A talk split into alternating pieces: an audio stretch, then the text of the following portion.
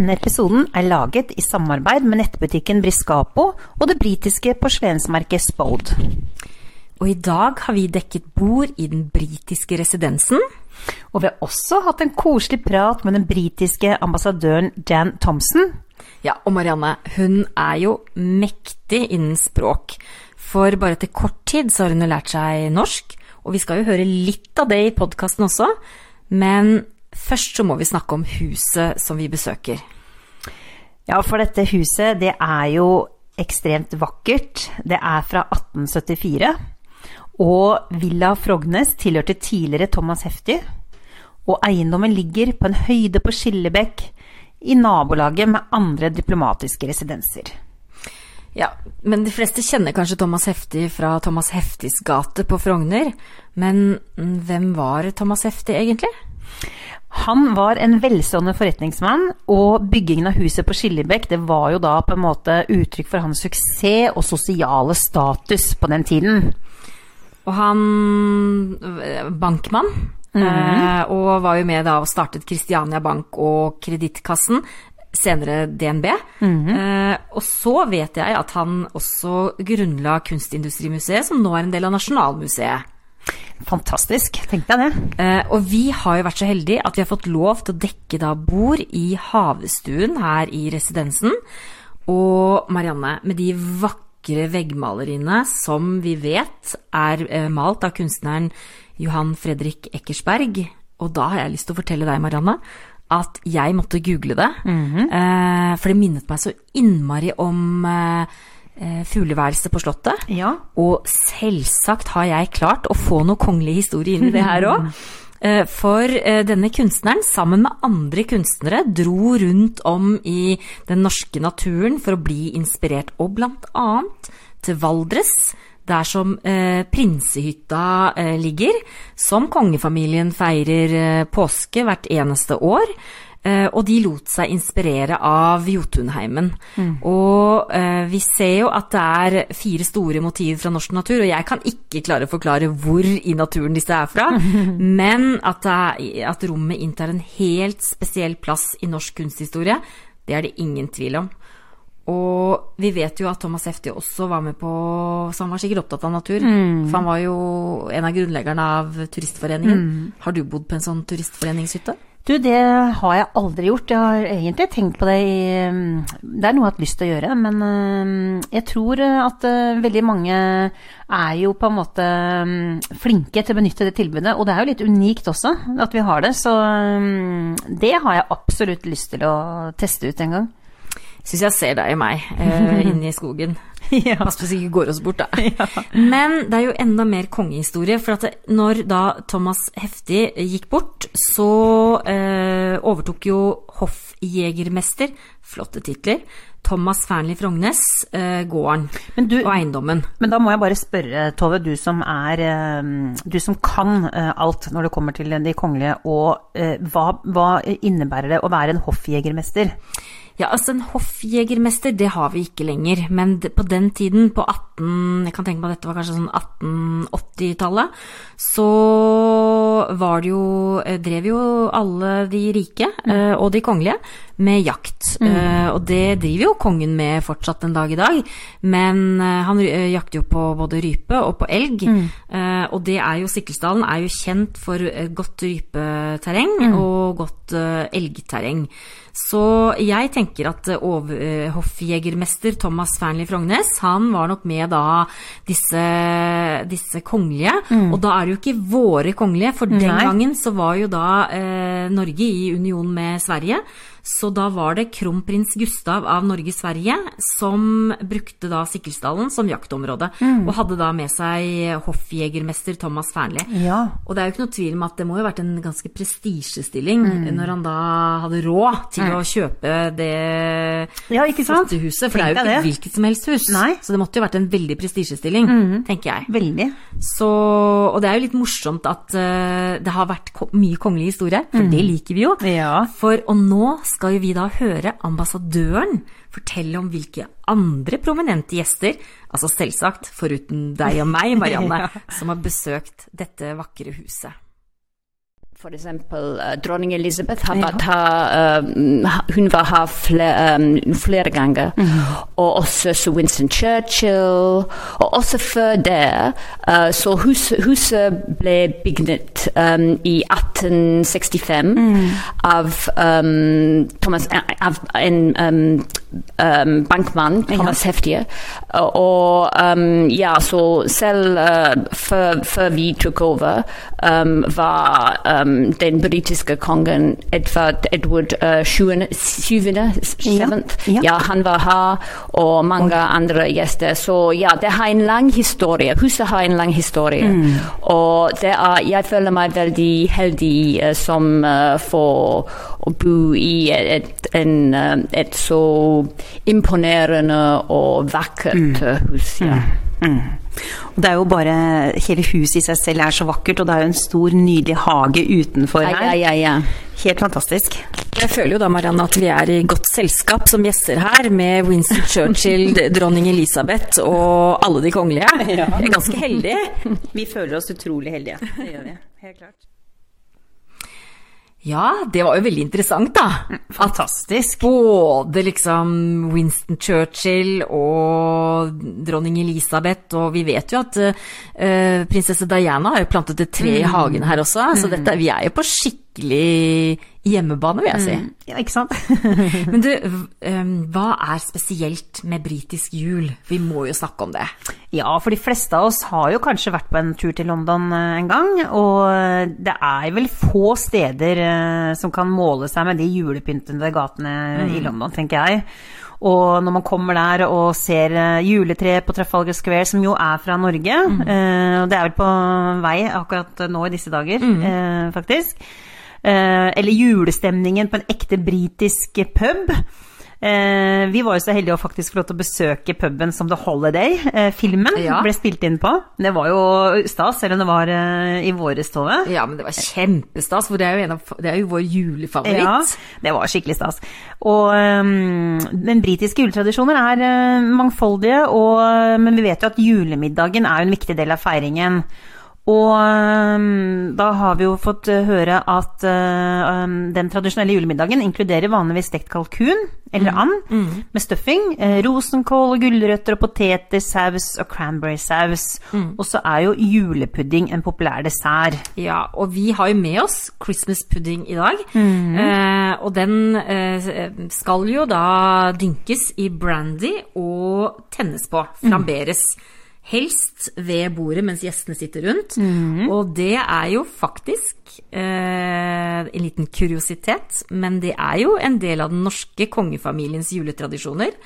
Eh, fordi som de fleste andre familier eh, mikser man jo tradisjoner. Når man gifter seg, så tar man med seg litt fra hver familie. Og sånn var det eh, med dronning Maud og eh, kong Haakon også. For dronning Maud var jo egentlig en britisk prinsesse før hun giftet seg med den danske prins Carl, og til slutt da ble dronning av Norge. Eh, Hva er spesielt med britisk jul? Vi må jo snakke om det. Ja, for de fleste av oss har jo kanskje vært på en tur til London eh, en gang, og det er vel få steder eh, som kan måle seg med de julepyntede gatene i London, tenker jeg. Og når man kommer der og ser juletreet på Trafalgar Square, som jo er fra Norge, mm. og det er vel på vei akkurat nå i disse dager, mm. faktisk. Eh, eller julestemningen på en ekte britisk pub. Eh, vi var jo så heldige å faktisk få lov til å besøke puben som The Holiday. Eh, filmen Ja. ble spilt inn på. Det var jo stas, selv om det var eh, i våre stove. Ja, men det var kjempestas, for det er jo, en av, det er jo vår julefavoritt. Ja, det var skikkelig stas. Og um, den britiske juletradisjoner er eh, mangfoldige, og, men vi vet jo at julemiddagen er en viktig del av feiringen. Og um, da har vi jo fått eh, høre at eh, um, den tradisjonelle julemiddagen inkluderer vanligvis stekt kalkun eller and med stuffing, eh, rosenkål og gulrøtter og poteter, saus og cranberry-saus.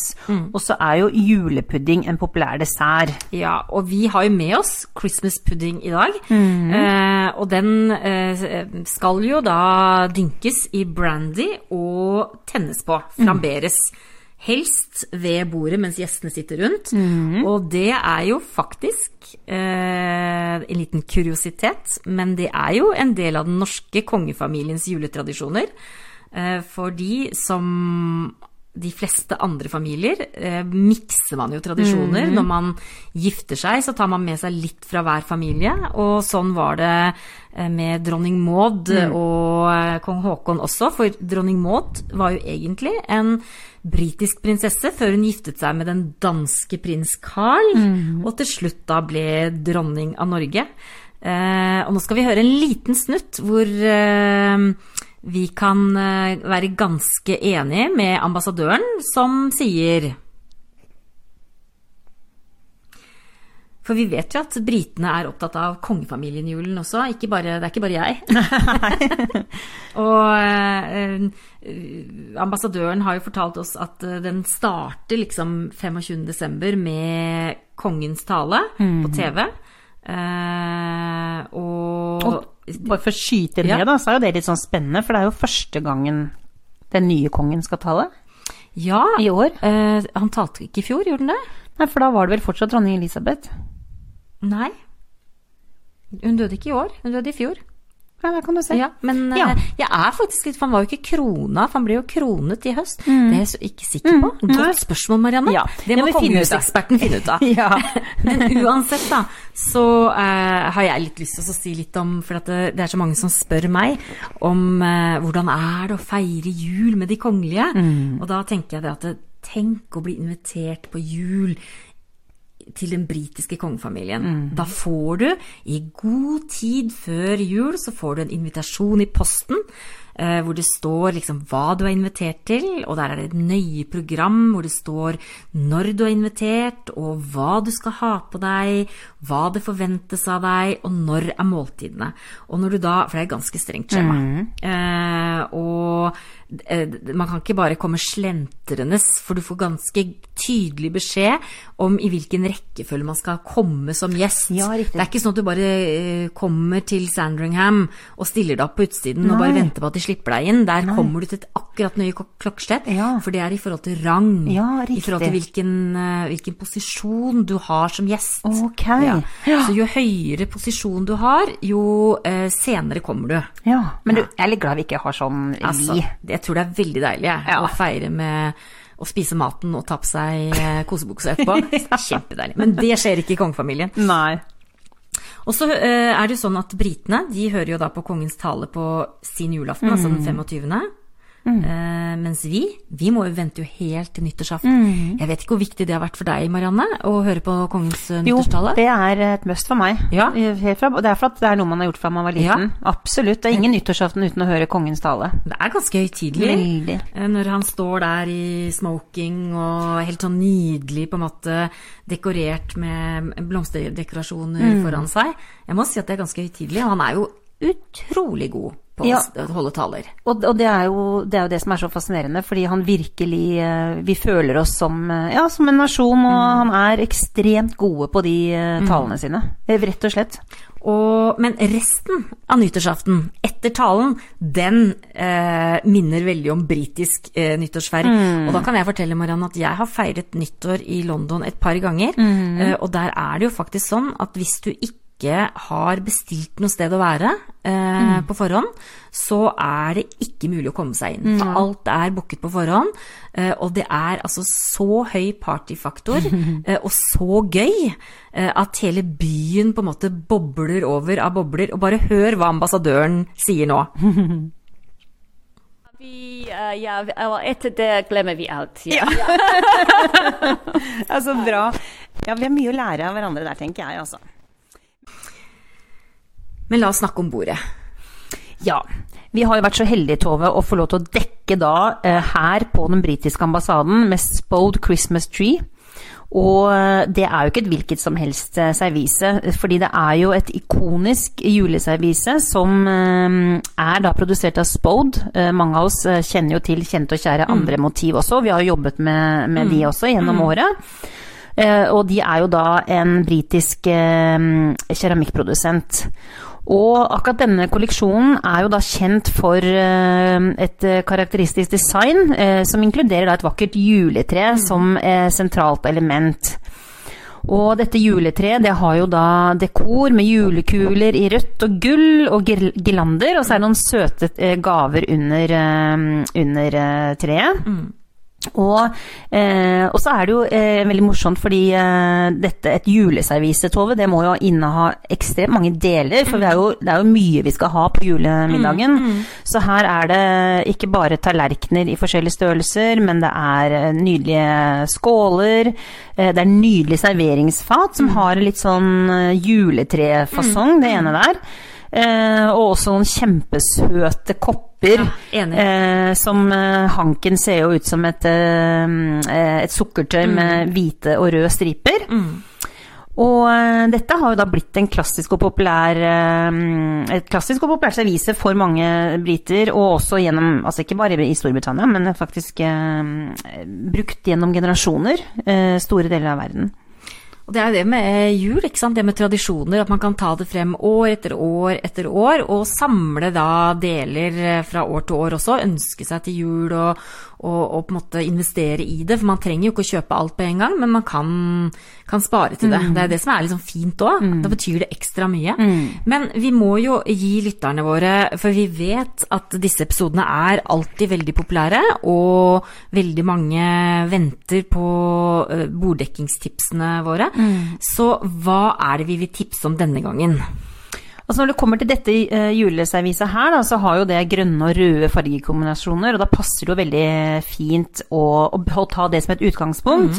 Så vi, eh, når vi da skulle dekke dette bordet, Tove, så var jo vi en tur innom eh, plantasjen og så utvalget der, og vi falt begge to for velursløyfer. Eh, en nydelig rødfarge, litt, vi kan vel si sånn, litt sånn burgunderrødt, ikke sant? Um, og da fant vi ut at de julestjernene de hadde vi lyst til å da pynte treet med. Det er jo veldig britisk også. Eh, og så fant, brukte vi de mindre sløyfene på servietten. Og, og så tenkte vi det at når vi da skulle velge blomster, så tenkte vi jo begge to at julestjerner er jo også veldig typisk britisk, og det er jo noe vi her i Norge også sant, er vokst opp med. Ja. Eh, Men så var vi litt i tvil først om vi skulle velge knall eh, rød eller hvite, som vi er mest vant til. Men vi kom eh, på plantasjen da for å titte, så så vi jo disse nydelige julestjernene i en sånn utrolig fin rosa farge. Ja, nydelig ferskenrosa. Ja, ferskenrosa Mm. som passet veldig godt til de burgunder, uh, burgundersløyfene. Og så fikk vi jo låne ambassadens nydelige hvite duk og hvite damaskservietter, så det passet jo innmari fint inn, da. Og så gjorde vi jo med litt sånn rustikt preg også eh, i, dette, i denne havestuen, som eh, er jo ganske elegant i seg selv med de, de eh, naturmotivene på veggen. Så passa det jo litt med litt sånn rustikt preg. Mm. Så vi bandt jo strier rundt pottene, og da slapp vi jo å ha potteskjuler også. Mm. men eh, så fant vi ut at det var lurt da å sette en skål inni som vi skjulte da, som ikke man ser når, når stria ligger rundt, eh, for å beskytte bordet. Ja, for det er ingenting som er mer trist enn å få vannmerker på bordet. Så uansett når du skal ha blomster, eh, om det er potter eller vaser, så er det veldig lurt å ha en liten ekstra beskyttelse mot bordet. Ett tips til til borddekkingen, Marianne. Hva har du da? Altså Det som jeg syns alltid fungerer, og som jeg alltid er glad i, og det er klart at et juleservise det bruker man jo gjennom hele jula, og kanskje også spesielt når vi kommer til um, nyttårsaften, så tenker jeg jo at uh, det å liksom kombinere det med gull eller sølv eller eh, kanskje helt kritthvit dekorasjoner, eh, det skaper jo en klassisk og sofistikert eh, julebordsetting, da. Nå skal vi høre hva ambassadøren, som fikk lov til å sniktitte, sniktitte litt på, på bordet, hva hun sier. I dag så har vi vært så heldige å få lov til å dekke et eh, julebord her eh, hos deg. Og du har jo eh, fått en sniktitt på, på bordet vi har dekket. Hva, hva syns du? Ja, det, det ser fantastisk ut. Ja. Ja. akkurat som i Storbritannia. Akkurat som hjemme. Ja, det er bra skussmål. Ja, ja, ja. Men jeg gleder meg til å spise alt. Ja. Det som dere har brakt. Du, for ja, du, ja, ja. ja, for du spurte om alt var spiselig, det, og det er det jo. Ja, ja, ja. Du skal absolutt få lov til å spise det. Ja, Er det helt Ja, ja, Ja.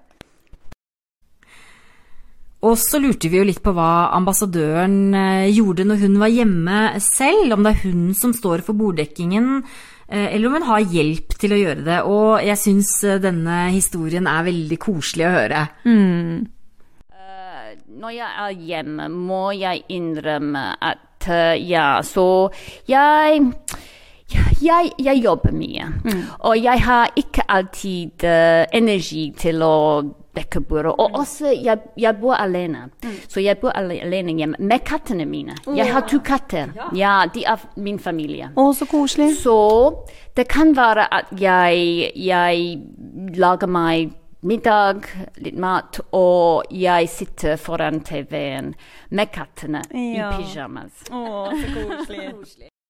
Ja, Hva tenker du om det? Katter og pysjamas, eh, Marianne? Jeg synes det er, og det er så britisk, og det er så koselig, og så fantastisk. Og så var det jo ganske vi, vi lærte jo av henne at disse kattene hadde hun jo fått når hun var i Tsjekkia, mm. og hatt dem med seg når hun var ambassadør i India.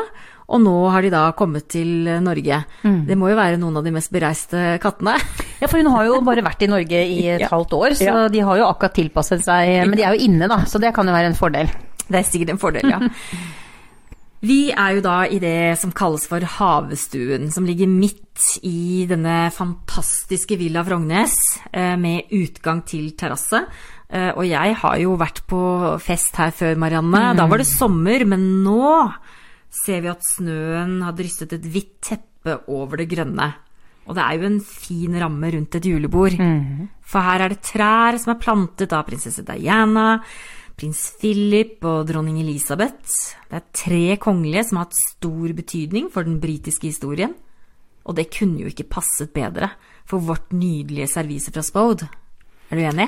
Ja, vet du hva, dette har vært eh, helt magisk, eh, Tove. Og jeg håper dere som lytter også eh, føler at dere har vært fått lov til å være med oss inn her.